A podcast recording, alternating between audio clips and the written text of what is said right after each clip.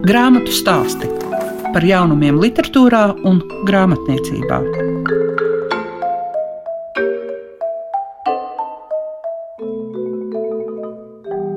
Aicinu pabūt kopā ar mani liegu piešiņu grāmatu stāstos, kas ik trešdienu ar atkārtojumiem svētdien skan programmā Klasika. Un jūs šīs dienas raidījumā dzirdēsiet par latviešu literatūru somiski. Tā būs saruna ar izdevēju un tulkotāju Mirju Hovilu, kura gan Vizmu Belševicu, gan Aleksandru Čaku, gan Jūri Kronbergu ir tulkojusi somiski. Un tie nebūtu nav vienīgie latvieši, kuru rakstīto var izlasīt somu valodā. Dzirdēsiet arī Liju Guļevsku. Viņas veikums ir grāmata Raimons Pauls, skanošs un klātesošs.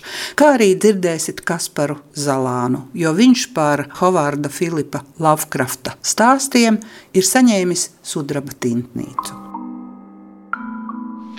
Grāmatu stāsti tiem, kam grāmatu lasīšana ir vērtība tulkotāja un izdevēja Mirja Hovila ir nodibinājusi izdevniecību, lai varētu izdot latviešu autoru grāmatas. Pie tāda secinājuma ir jānonāk, jo jūs esat gan Vizmu Belševicu, gan Aleksandru Čaku, Čaku, gan Ingūnu Cepīti, gan tagad Juri Kronbergu radījusi somu valodā tā, lai somu lasītāji var to iepazīt. Cik jums bija apzināta šī rīcība, ka ir nepieciešama izdevniecība, lai varētu somus ar latviešiem iepazīstināt?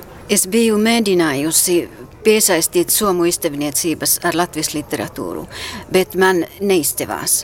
Un arī citādi latviešu literatūra Somijā līdz tam laikam bija ļoti maz izdota. Nu, ir bijis kāds gadījums, piemēram, Paula Bankovskā čeka bumba rokenrols bija izdota gadsimta pirmajā pusē, bet ar pārdošanu izdevniecībai bija ļoti grūti, un tā nebija tādas intereses par Latvijas literatūru, jo tā tomēr ir tās šauras auditorijas literatūra Somijā. Bet kad jums pašai veidojās interesi par šiem autoriem, kā tas tapu?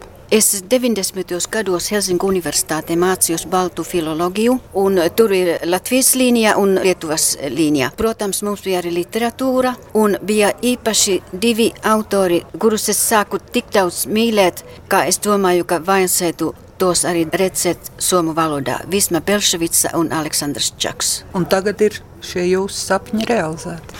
Nu, tā apmēram 25 gadu sapnis, kas man tagad ir realizējusies, tā kā visu trilogiju Billi esmu izdevusi un arī Aleksandra Čaka dzējas un stāstu izlasi. Šāda tipa grāmatas viņas nevar iznākt bez priekšvārdiem, jo tikai teksts viens pats jau neko brīžam, kurš nezina neko, nepalīdz. Priekšvārds ir ļoti būtisks, jo daudziem somu lasītājiem tas viss ir pilnīgi jauns un vispār daudzi Latvijā nekad nav bijuši un sauc Latviju ar Lietuvu un, un tam līdzīgi tā kā priekšvārds ir pamatīga lieta. Piemēram, katrā billes daļā es atšķirīgi rakstīju priekšvārdu un tur man bija arī liels prieks izmantot fotogrāfijas. Jānis Elsbergs, eh, Belševicas tēls pārstāv mantiniekus un viņš ļoti laipni man, man deva visādas fotogrāfijas un es varētu arī pielikt klāt tādas bildes. Tāpat arī Čaka cejas izlasē ir daudz fotomateriāla. Čaka tulkojums ir ļoti veiksmīgs, jo jūs aizvadītā nedēļā Ventspilī starptautiskajā rakstnieku un tulkotāju mājā jums tika pasniegta sudraba tintnīca. Jā, tas sudraba tintnīca man bija liels, liels pārsteigums. Es zināju, ka tāda balva ir, bet nekad nenāca prātā, ka tas varētu būt man. Tas tiešām ir par Belševicas trilogiju un par Čaku par tām četrām grāmatām tieši šonedēļ. Vizma Belševica un Čaks tā tāda sena vēlme un sens sapnis, bet Juris Kronbergs tā ir tagad jaunākā izdevniecības grāmata un tiešām tāda, ar kuru vajadzētu arī iepazīstināt. Kronbergs man agrāk nebija īpaši pazīstams. Es šo to biju lasījusi, un piemēram arī to, ka viņš raksta Čaks spēļu laukumā Stokholmas nomalē. Kad viņš ar saviem dēliem bija tur pasēdēja, esmu tur vietu arī redzējusi Stokholmā, un lasīja Čaka dzēju saviem puišiem, un Čaks bija Kronbergam ļoti svarīgs. Tāds piemērs, jo Čaks bija modernists un, un, un Kronbergs arī bija modernists. Līdz ar to Čaks mani veda arī uz to Kronbergu. Es gatavoju antologiju, Latvijas ceļas antologiju, un es gribēju kaut ko izdot no Kronberga, piemēram, Laiks Gotlandē vai Stokholmas siena tirgus halle. Bet tad, kad es saku vairāk lasīt, domāju, ka nepietiks ar kādiem dažiem dzējoliem antologijā, bet vajag veselu grāmatu. Sākumā domāju, ka arī 90 lapuses, nu īstenībā tur ir 192 lapuses. Kā somu lasītāji reaģē uz šiem autoriem? Kādas ir tās vai recenzijas, komentāri? Tā ir tik jauna grāmata, ka tas tikko, tikko iznāca septembra beigās. Bet es domāju, no nu arī attiecībā uz Belševicu un Čaku. Teiksim tā, ka tas joprojām ir, ir šauras auditorijas literatūra. Kā saņemt redzamību nav viegli, jo Somijā izdot ļoti daudz grāmatas, gan pašmāju rakstniekus, gan tulkotas literatūras. Ja dabū kādu recenziju, recenziju avīzē tas ir liels panākums. Ir bijis Helsingas Sanomat, kas ir Somijas vislielākā avīze, ir bijis Belševicu un arī, arī citādi par Latvijas literatūru. Žurnālists Juka Rislaki, kas jau dzen dzīvo Latvijā, viņš arī tieši ir rakstījis Helsingas Sanomat recenzijas par Latvijas literatūru. Aizvadītā gadā iznāca Somijā divas grāmatas kas ir saistīts ar Aleksandru Čaku. Jā, Helija Laksonen arī, arī izdeva Čaka dzēju un vēl arī rakstīja tādas atbildes dzējoļus. Esmu teikusi, ka tās divas mūsu grāmatas ir kā māsas ģimenē. Ne jau dviņu māsas, bet māsas. Savā starpā ļoti atšķirīgas, bet viņām ir kopīgs tēvs. Un, ja es saku tās rindas, ko jūs arī konferences referātā teicāt, ka sapņo un tu nebūsi mazs. Tā tulkošana tiešām man bija sapnis. Tā apmēram 25 gadu sapnis, un tagad tas ir piepildījies. Grāmatu stāsti programmā Klasika.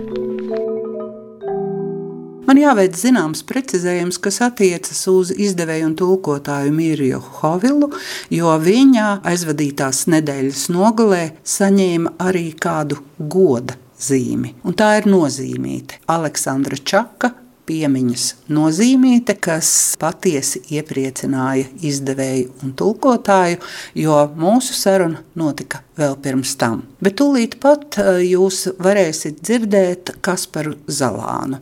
Mēs par viņu varam teikt, ka viņš ir tulkotājs un literāts. Hovarda Filipa Lavkrafta stāsti bija grāmata, kas bija arī nominēta literatūras gada balvai tulkotāju sadaļā, tagad saņēma šo sudraba tintnīcu. 2008. gadā Ventspilī rakstnieku un tulkotāju māja iedibināja šo tradīciju, kas ik otro gadu iepriecina tos, kas raksta un tulko. Šī gada balvas saņēmēji bija Vladis Brazons, dzinējs no Lietuvas, tad mūsu pašu Lauris Gundars, somu tulkotāja un izdevēja Mirja Hovila un Kaspars Zalāns. Ir arī divas stipendijas, kuras saņem Jānis Lēņš un Aksels Hiršs. Bet tūlīt jūs varēsiet dzirdēt sarunu ar Kasparu Zalānu par Hovarda Filipa Lavkrafta rakstīto. Ir pagājuši vairāk nekā simts gadi kopš Lavkrasts ir rakstījis tos stāstus. Cik liela ir atšķirība par šodienas šausmu stāstiem un to laiku, kad viņš rakstīja. Cik esmu novērojis, man liekas, ka mūsdienās šausmu stāstiem bieži vien ir vairāk kaut kāda sociāla dimensija. Labs piemērs patiesībā Lovecraft gadījumā ir um, tāds seriāls, kas saucās angļuiski Lovecraft Country, jeb Lovecraft valstība, kas ir daļēji viņa stāsta adaptācija, bet tikuši mūsdienīgoti tādā ziņā, ka galvenie varoņi visi ir melnādainie un uh, darbība notiek Amerikā apmēram 50. gados, kad vēl plauka un dzēla rasisms un melnādainie tika linčoti un tādā garā. Un tāpēc uzreiz nāk klāt jā, šis viss sociālais aspekts, ka ne tikai šaušalīgs ir kaut kas pārdabisks, bet arī nu, visi līdzcilvēki un sabiedrības struktūra un kaut kāda aizspriedumi. Un man liekas, otra liela atšķirība, kas man patīk krietni mazāk, bet tā arī vairāk izpaužas kino, man liekas, un tā vizuālos mēdījos, ir censties šausmināt cilvēkus ar tā tādām vizuālām riebekļiem apmeklībām. Mazāk uz kaut kādu psiholoģisku aspektu, mazāk uz noskaņu, bet, teiksim, nu, ja jūs zināt, ir tā filmu sērija Zāģis, nu, kur tur pēc iespējas vairāk asiņu vardarbības, lai izraisītu tādu grīnas fizioloģisku reakciju. Kas man patīk mazāk, jo nu, tur trūks, man liekas, niansētības, tur trūks kaut kādas iedziļināšanās cilvēku psihē bieži vien. Lovecraft gadījumā, vismaz kad viņš rakstīja, un kad vēl pirms tam bija bijusi visa gotiskā literatūra no kuras viņš ir iedvesmojies. Tā viņa pieeja bija vairāk, jo mazāk pasaka, jo labāk. Kad, nu, nu, jo vairāk tu atstāji tieši lasītāju. Jā, lasītāju iztēlē, spējai pašam kaut ko iztēloties caur atsevišķām detaļām. Nu, jā, šī ir pieeja, kas, manuprāt, ir efektīvāka, jo tas, ko cilvēku prāts nerad var pielikt klāt, pievienot to, bieži vien pats autors nekad nespētu tikai caur savu darbu. Kā tapa šie stāsti? Izvēle tā bija tava, no cik liela mm -hmm. daudzuma? Izvēle, protams, ir liela, jo Lovecrafts dzīves laikā ir sarakstījis desmitiem, desmitiem stāstu. Turklāt turpat vēl dalās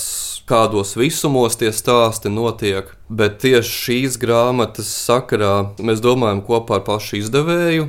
Pamatā, Prometēju. Jā, bet pamatā var, varētu teikt, ka tieši es piedāvāju, kas, manuprāt, pirmkārt labi parādītu viņa kā autora izaugsmi, ja precīzāk, ideju attīstību, jo šie stāsti grāmatā ir sakārtoti chronoloģiski. Un tad var redzēt, kā gan viņa stils, manuprāt, pilnveidojas, gan arī tiešām kā tā visa mitoloģija aug un izplatās. Un otrkārt, tie ir stāsti, kas, manuprāt, ir vienkārši tāds labs fundaments, ja grib vienkārši iepazīt Lovecraftu. Tādā ziņā, ka šie ir stāsti, kas, nu, man liekas, kā stāsti, tieši kā literatūra, ir visefektīvākie un efektīgākie un nu, viena no labāk uzrakstītājiem no Lovecrafta. Un arī nevēl tik liela daļa šo stāstu, kas ir grāmatā, teiksim, Ktulu aicinājums vai ēna par insmūtu, ka tie ir tikuši adaptēti kino, datorspēlēs, komiksu formātā.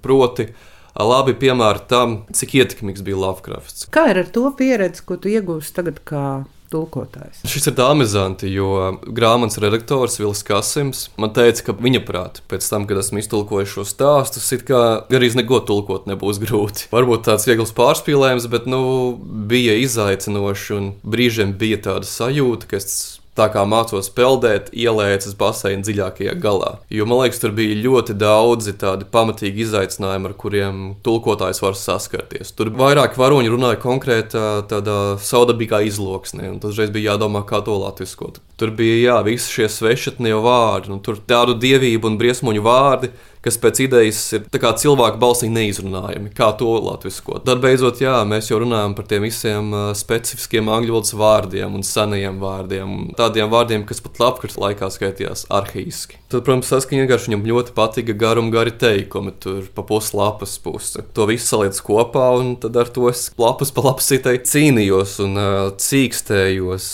Jā, es, es kaut kā par to reflektējot, joprojām jūtos tāds gan pagodināts, gan mazliet apjūts, ka man ir šis kā tāds pirmais grāmatas formāta tulkojums ir kaut kas tik fundamentāls un tik izaicinošs. Grāmatu stāsti tiem, kam grāmatu lasīšana ir vērtība. Liega Guļevska līdzās daudzām personībām, kuras ir izpētījusi un aprakstījusi, tagad ir pievērsusies arī Raimondam Paulam. Mani uzrunāja Jumovs šefs Juris Visotskis ar tekstu palīdzēt sastādīt. No sākuma es neko nesapratu, bet tad, kad es sapratu, ka izdevniecībā jau ir bagātīgs klāsts jau savākts, un man ir tikai jāsaprot vēl, kur kaut ko es varētu pielikt klāt, tad es piekrītu. Tātad tur ir ļoti daudz materiālu no novadiem, sākot no kaut kādiem 70 gadiem, kur Raimons ir braucis līdz šai dienai. Tie ir par viņu. Kas ir novada rajonā vizītēs rakstīti, kas ir iespaidi, kas ir emocijas. Tad viena daļa ir Ērika Hānberga omulības par Raimondu. Tā kā jau Eriks stilā, kur ir bagātīgs arī klāsts un ārkārtīgi bagātīgs materiāls no Ksenijas Zagarovskas, kas ir bijis publikācijas Krievu valodā, kur ir ne tikai Alla Pugačova, Rezņiks, kur ir Andrejs Mironovs un kur ir Jevgeņijs Jevtušenko, kas man vispār sajūsmināja līdz asarām, ieskaitot ar fotografiju, kad arī bildes bija, arī mūsējie, kas ir bijuši Krievu valodā publicēti, gan Marina Umova, gan Laima Vaikula, gan Guntis Veids un Ojārs Rubens ir un ar vecāku nu, ļoti plašs materiāls. Tagad man vajadzēja saprast, ko darīt, kā salikt un kur ir lielie punkti uz zīme. Protams, tas ir Maris Jansons, tā ir Elīna Garanča un tā ir Iveta Apkalna. Māja Mūliņa atļauj ņemt no savas grāmatas par Marijas Jansonu, visu, kas attiecās uz Paulu, tur ir vesela nodaļa.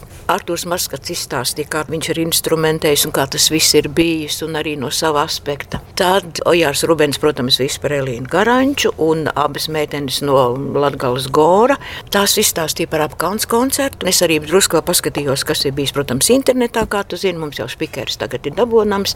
Nu, tad es sapratu, ka vēl ko es vēl varētu, es varētu paņemt cīņu biedru no pirmās dienas gandrīz vai Jākapsona, kur bija kabineta blakus, tagadējo cīņu biedru Jānu Kļaviņu producentu, kas ir arī tagad šobrīd viņš viņu uzman un uzpasē un palīdz un, un vada un organizē. Un Valdu Pavlovski, kurš izrādās, es domāju, ka pirmais viņa darbs teātrim ir man 30 gadu. Visu laiku dzīvoju ar šādu domu un savos pieklājīgos gados es pēkšņi uzzinu, ka nē, ka pirmā muzika teātris izrādē ir Leļa teātrī. Un tas ir bijis Valds Pavlovskis režisors. Un kā tagad Raimonds teica, kad mums nu, tikko tā grāmatas atvēršana bija, ka tā jau mēs visi tajā Leļu teātrī esam sākuši. Tur mums visiem ir pirmā muzika teātriem. Nu jā, nu tad es tā kā visu mēģināju to tā kā apkopot, un man bija viena ļoti laba intervija, kur es uzskatu no manas puses labākā. Nu, es jau nerēķinu radio, bet tomēr jau mistērijā, kas bija tad, kad viņam bija 77 gadi, cipars mistisks, un es šo interviju arī paņēmu, protams, jau pieliekot tur jaunākos notikumus klāt kā Japānas ordeni, un burtiski pēdējā brīdī pirms došanas prom vēl varēja pierakstīt to rindu kopu, kad es šo rakstu. Tas, tas trakais koncerts bija iecerēts tur septembrī Daugavas stadionā.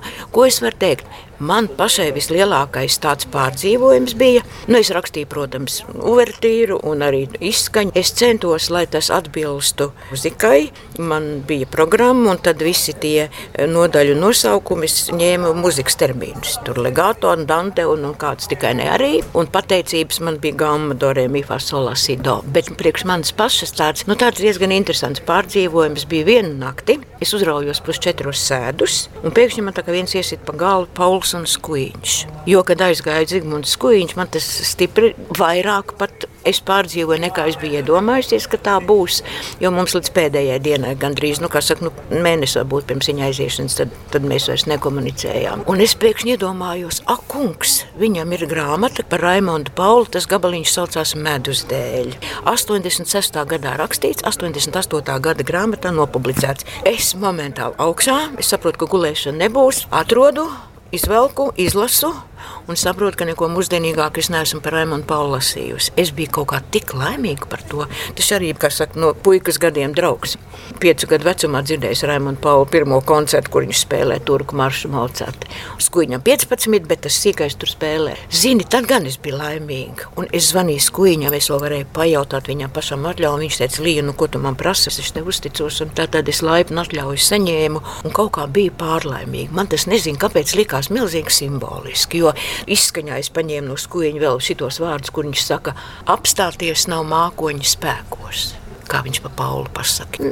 Nav, nav viņa spēkos, mākslinieks taču nevar apturēt. Tur ir nepārtraukti tādas lietas, bet nu, tas mākslinieks, ne? Un tu zini, un tā es nu tā kā it kā nu sakārtoju to grāmatu un iesniedzu, un viņa pirms mēneša iznāca. Nu, es esmu ļoti laimīga, jo šobrīd drukā papildu to metienu. Man liekas svarīgi par Raimondu uzrakstīt vēl 20 un vēl 30, un katram būs savs un būs klāt un klāt un klāt. Bet, zini, man par tiem novadiem likās ļoti simboliski, ka tur ir visā tajā. Un tad man kaut kā momentāli, momentāli vēl neko nesaprotu, bet es saprotu, ka man ir atnācis nosaukums, kas parasti tā nav.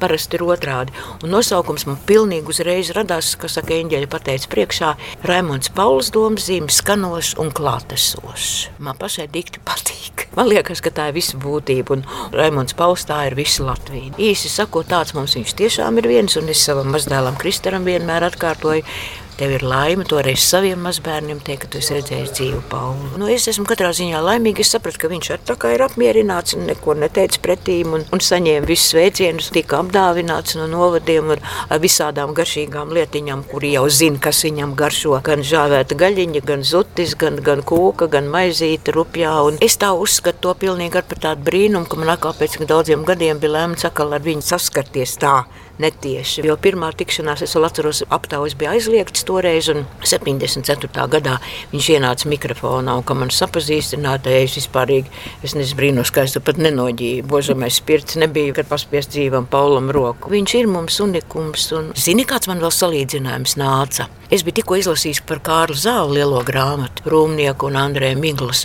un man pēkšņi atnāca beigās izskaņā, kuras rakstu arī to skuiņu mākoni, ka man pēkšņi kaut kāda paralēla savilkās ar Kārlu Zāli, jo Zāli taisīja Latvijai visu, ne sev.